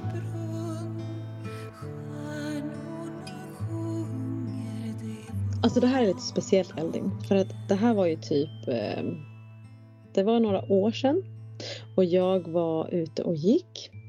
Jag var ute och gick och det var kanske typ februari eller mars för det var liksom lite lite snö för att det var hans fotspår. Jag tog en promenad och det var förmiddag. Och så är jag ute och går, typ lyssnar på min podcast, eh, historiepodden och så helt plötsligt så ser jag så här fotspår i snön av en människa. Alltså fotspår, inte skor utan fötter. Och jag är bara så här, Eh, fy fan vad skumt. Och de här fotspåren tar mig liksom in mot skogen. Och då tänker jag så här, men shit. Har jag bara gått här och lyssnat på min podcast och typ inte sett det här liksom? Fan vad skumt. Det är någon som typ är psykiskt sjuk. Eller, alltså någon, någon mår dåligt, någon är i skogen, någon har inga skor på sig. Vad är det som har hänt liksom? Så jag följer efter de här fotspåren. Och tänker att jag måste få tag på den här personen. Um, och sen kom jag in i skogen. Och då hinner jag tänka, men vänta nu lite här. Här är jag i skogen och jag liksom Visserligen har min telefon med mig för jag lyssnar på podcast men, men, men ingen vet att jag är här. Är det här en bra idé? Vem ser de här fotspåren? Men, men då liksom följ, följ med de här fotspåren och då har jag kommit in ganska långt in i skogen. Och tänker att men den här människan kommer ju typ förfrysa. Alltså jag måste liksom rädda. så jag går in och helt plötsligt så, så ser jag liksom hur det kommer lite rök. Det kommer lite rök ut från någon slags, jag vet inte vad man ska säga, någon buskage eller någonting eller något, Eh, jag vet inte, något granris eller någonting.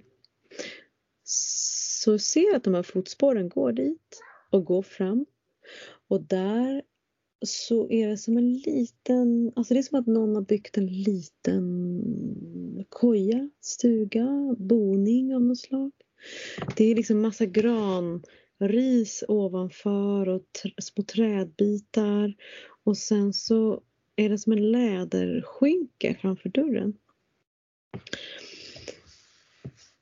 Och jag är bara så här. Och jag står utanför och tänker att äh, det här är ingen bra idé. Liksom. Och sen så hör jag plötsligt så här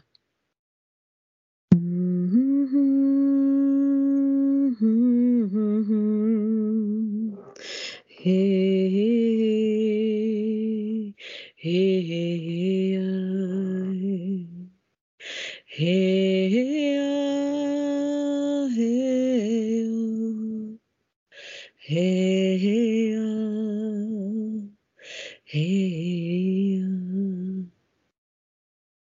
som att det fanns ingen tvekan. Jag ska bara in där. Så jag öppnar skynket och in går jag och det är liksom mörkt. Det är en liten eld som brinner och där sitter det liksom en kvinna och hon är så gammal. Alltså jag skojar inte. Det är liksom rynkor i hela ansiktet.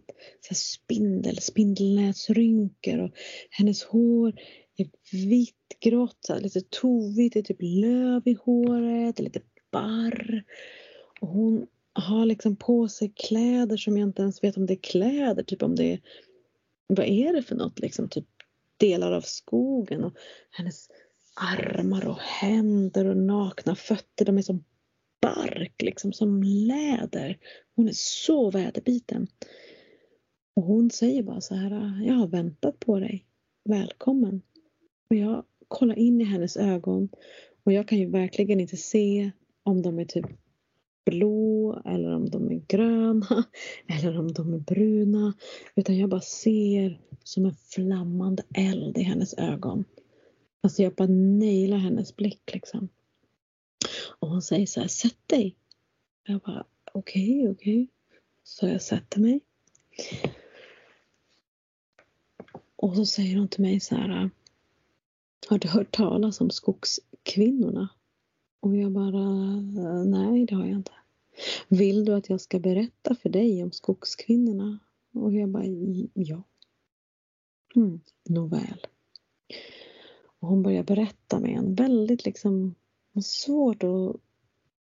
så otrolig, liksom, jag kan inte säga vad det är för dialekt, jag kan inte säga var de kommer ifrån. Hennes röstläge är bara väldigt obekant liksom.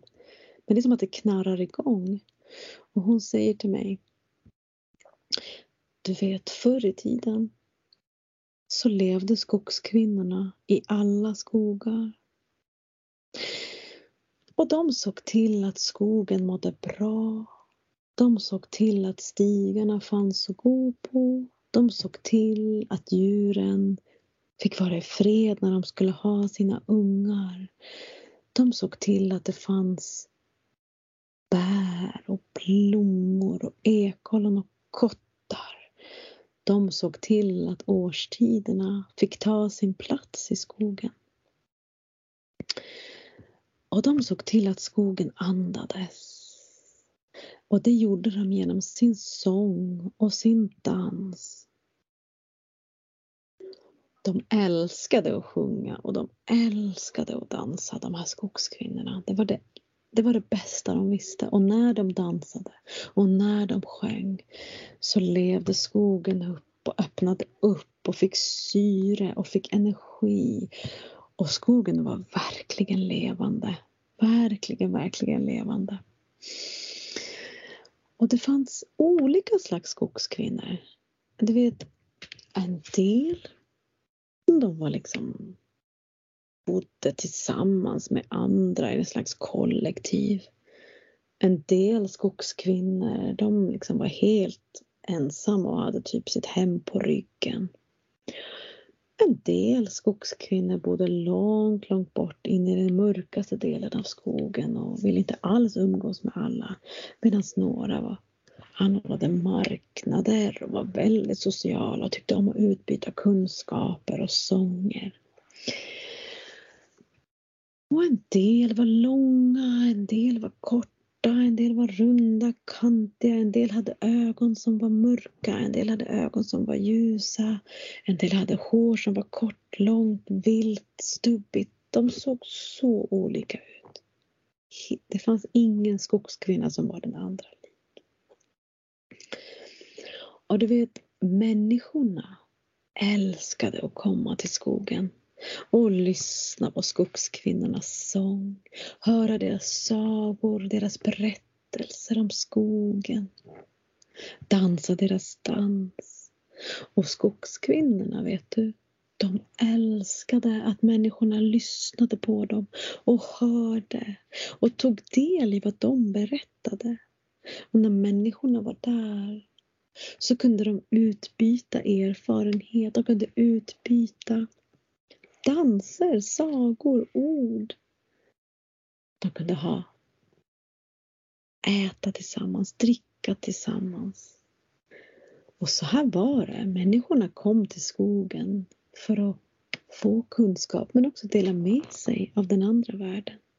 Och skogskvinnorna gav av det de kunde och jorden och skogen mådde så bra. Men, men, men. Sen började det att avta. Människor. Det kom färre och färre människor till skogen. Ibland kom det bara två, tre stycken. Och ibland kom de inte ens varje år. Ibland kom de vartannat år, vart tredje år. Och, och skogskvinnorna, nej men, de tyckte inte alls att det här var så kul. Att inte få dela med sig, att inte få träffas, att inte få utbyta sina sånger och danser med människorna. Och några av dem, efter några år när det inte hade kommit några på väldigt länge, då kunde det komma någon gammal. Men sen så kom det ingen på tio år eller tolv år. De tröttnade. De ville inte vara kvar.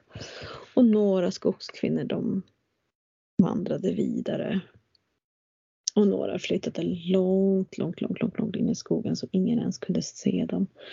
Och några bara tröttnade, gav upp och blev en del av träden, en del av stammarna, en del av mossa och jord. De ville inte längre, det var inte roligt. Men en skogskvinna, en ung skogskvinna, en skogsflicka. Hon ville ta reda på vad är det som har hänt? Varför kommer de inte till oss? Så hon, hon samlade mod och lämnade skogen. Lämnade skogsbrynet och vandrade ut i världen vandrade till byar. Men där ville folk inte veta av henne. Hon såg helt galen ut. Hon hade inga kläder på sig. Hennes hår var vilt. Det var fullt med barr och löv. Och hon, var nästan naken. Och de ville absolut inte veta av henne. Och hennes barn, barnen fick inte prata med henne. Hon är galen. Hon är galen. Och, och skogsflickan kunde inte förstå varför hon inte kunde prata med någon. Varför var det ingen som ville lyssna på henne? Hon ville ju bara fråga vad som hade hänt. Mm, mm, mm. Och hon gick till flera byar. Hon gick till flera städer men absolut inte. Det var ingen som ville prata med henne. De bara tittade på henne. Så hon satte sig till slut ner på en bänk. Och hon grät. Hon grät för att ingen ville veta av henne och ingen ville ens försöka att lyssna på henne. Hon satt där i staden och grät. Och då hörde hon en röst. En äldre man som sa, men varför gråter du min flicka? Och hon tittade upp och såg en väldigt gammal man. En väldigt gammal person. Som stod där framför henne, alldeles krum i ryggen och med en käpp. Och hon förklarade för honom vem hon var, vad hon gjorde här och att ingen vill prata med henne. Hon har vandrat så länge men ingen vill veta av henne. Och den gamla säger, men skogen? Nej, skogen är farlig. Dit går man inte. Det var länge sedan någon gick till skogen. Den är mörk och den är vild och det finns farliga djur. Och vad som helst kan hända i skogen. Du kan gå vilse och frysa ihjäl och du kan dö. Nej, nej, nej. Det finns ingenting i skogen som är för oss människor. Men hon, men hon, hon försökte förklara, nej men, nej men nej, nej det är inte så.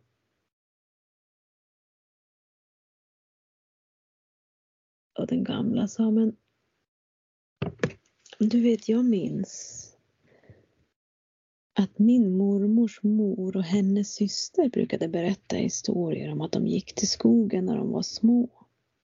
Och att de sjöng och dansade. Men det var ju för väldigt länge sedan. Ja, men exakt, exakt, exakt, det är det jag pratar om, säger hon. Mm. Nej du, säger den gamla, det kommer nog inte ske.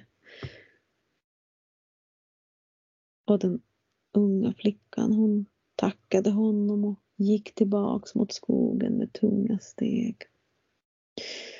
Och hon tittade tittade när hon gick och hon såg skogarna på vägen. Hon såg hur de hade förvildats. Det fanns inga stigar längre. Det fanns inget ljus bland träden. Det fanns inget mönster. Det fanns ingenting. Det var bara skog, skog, skog. Eller så var den helt borta. Folk hade tagit av skogen. Den fanns inte längre.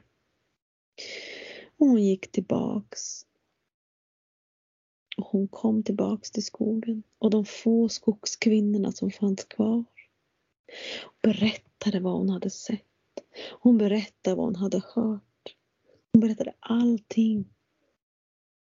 Och de få skogskvinnorna som var kvar, de tog hennes hand och så gick de till skogsbrynet.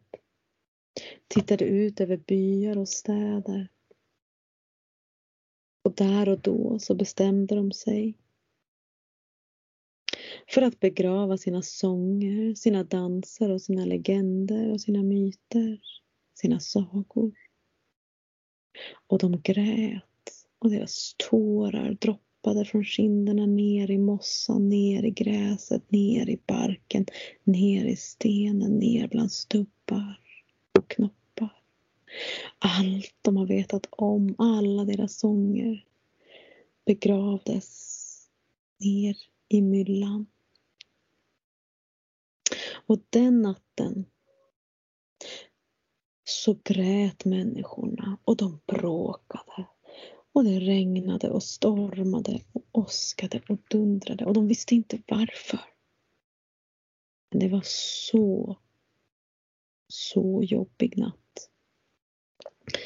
Och på morgonen så försvann skogskvinnorna ut till olika ställen var och en för sig.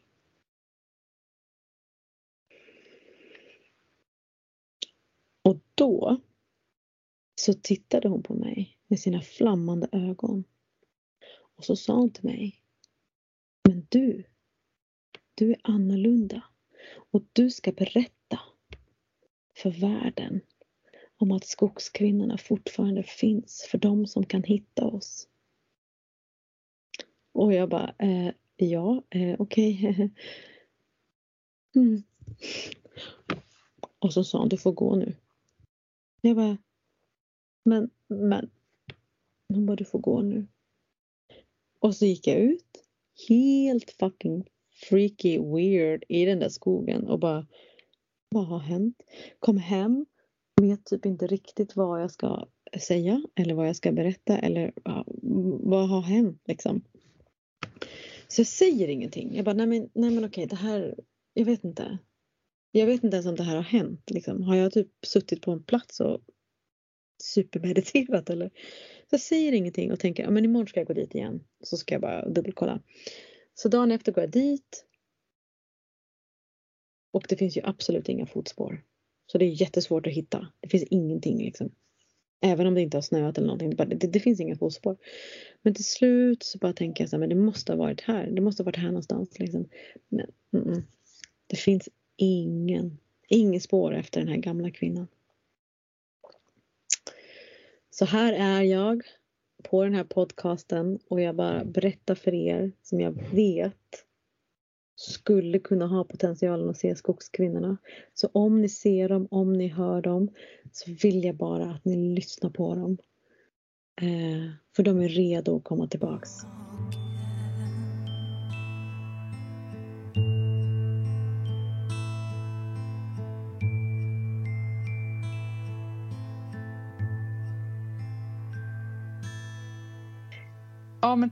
Gud så otroligt fin saga. Mm.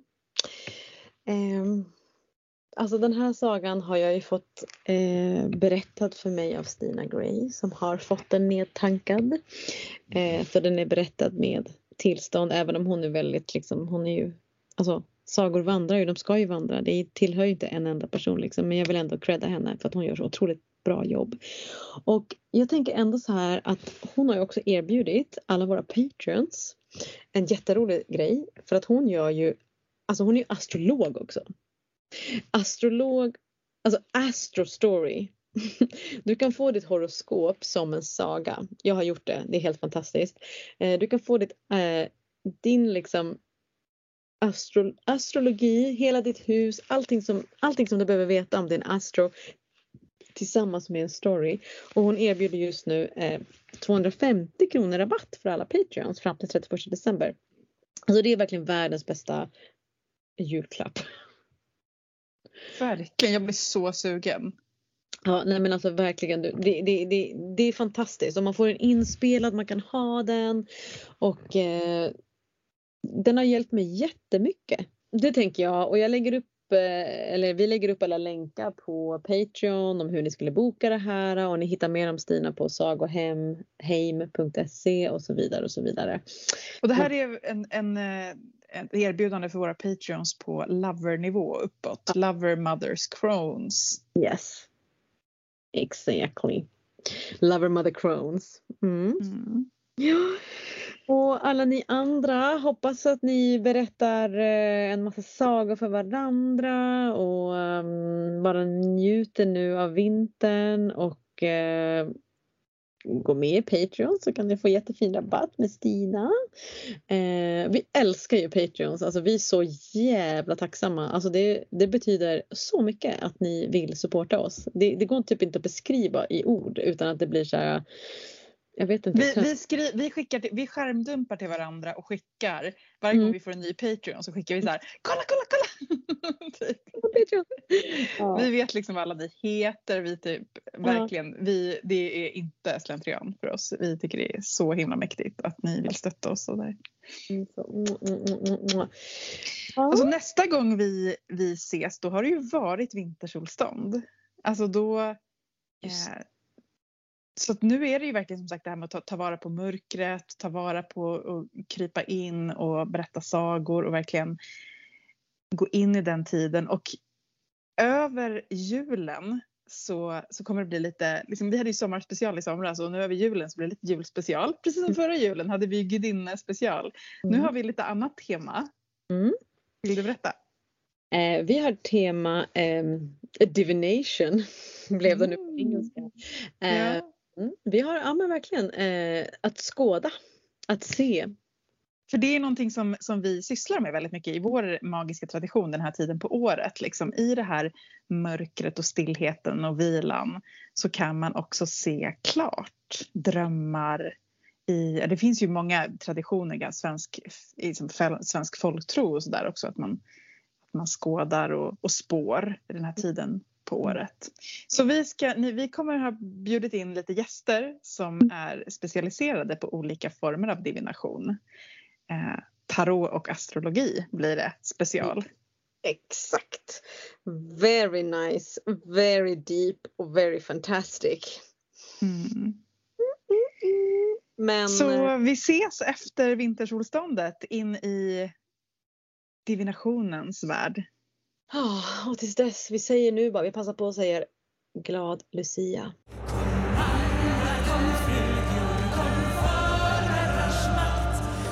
Vill du stödja vår podcast ytterligare så kan du betygsätta podcasten. Prenumerera på podcasten för att öka vår synlighet. Bli medlem på Patreon så får du dessutom en massa häxiga benefits. Gå in på patreon.com slash formodrarsmakt. Och vill du ta del av ytterligare samtal med likasinnande, bli medlem i Facebookgruppen Förmödrars makt eftersnack.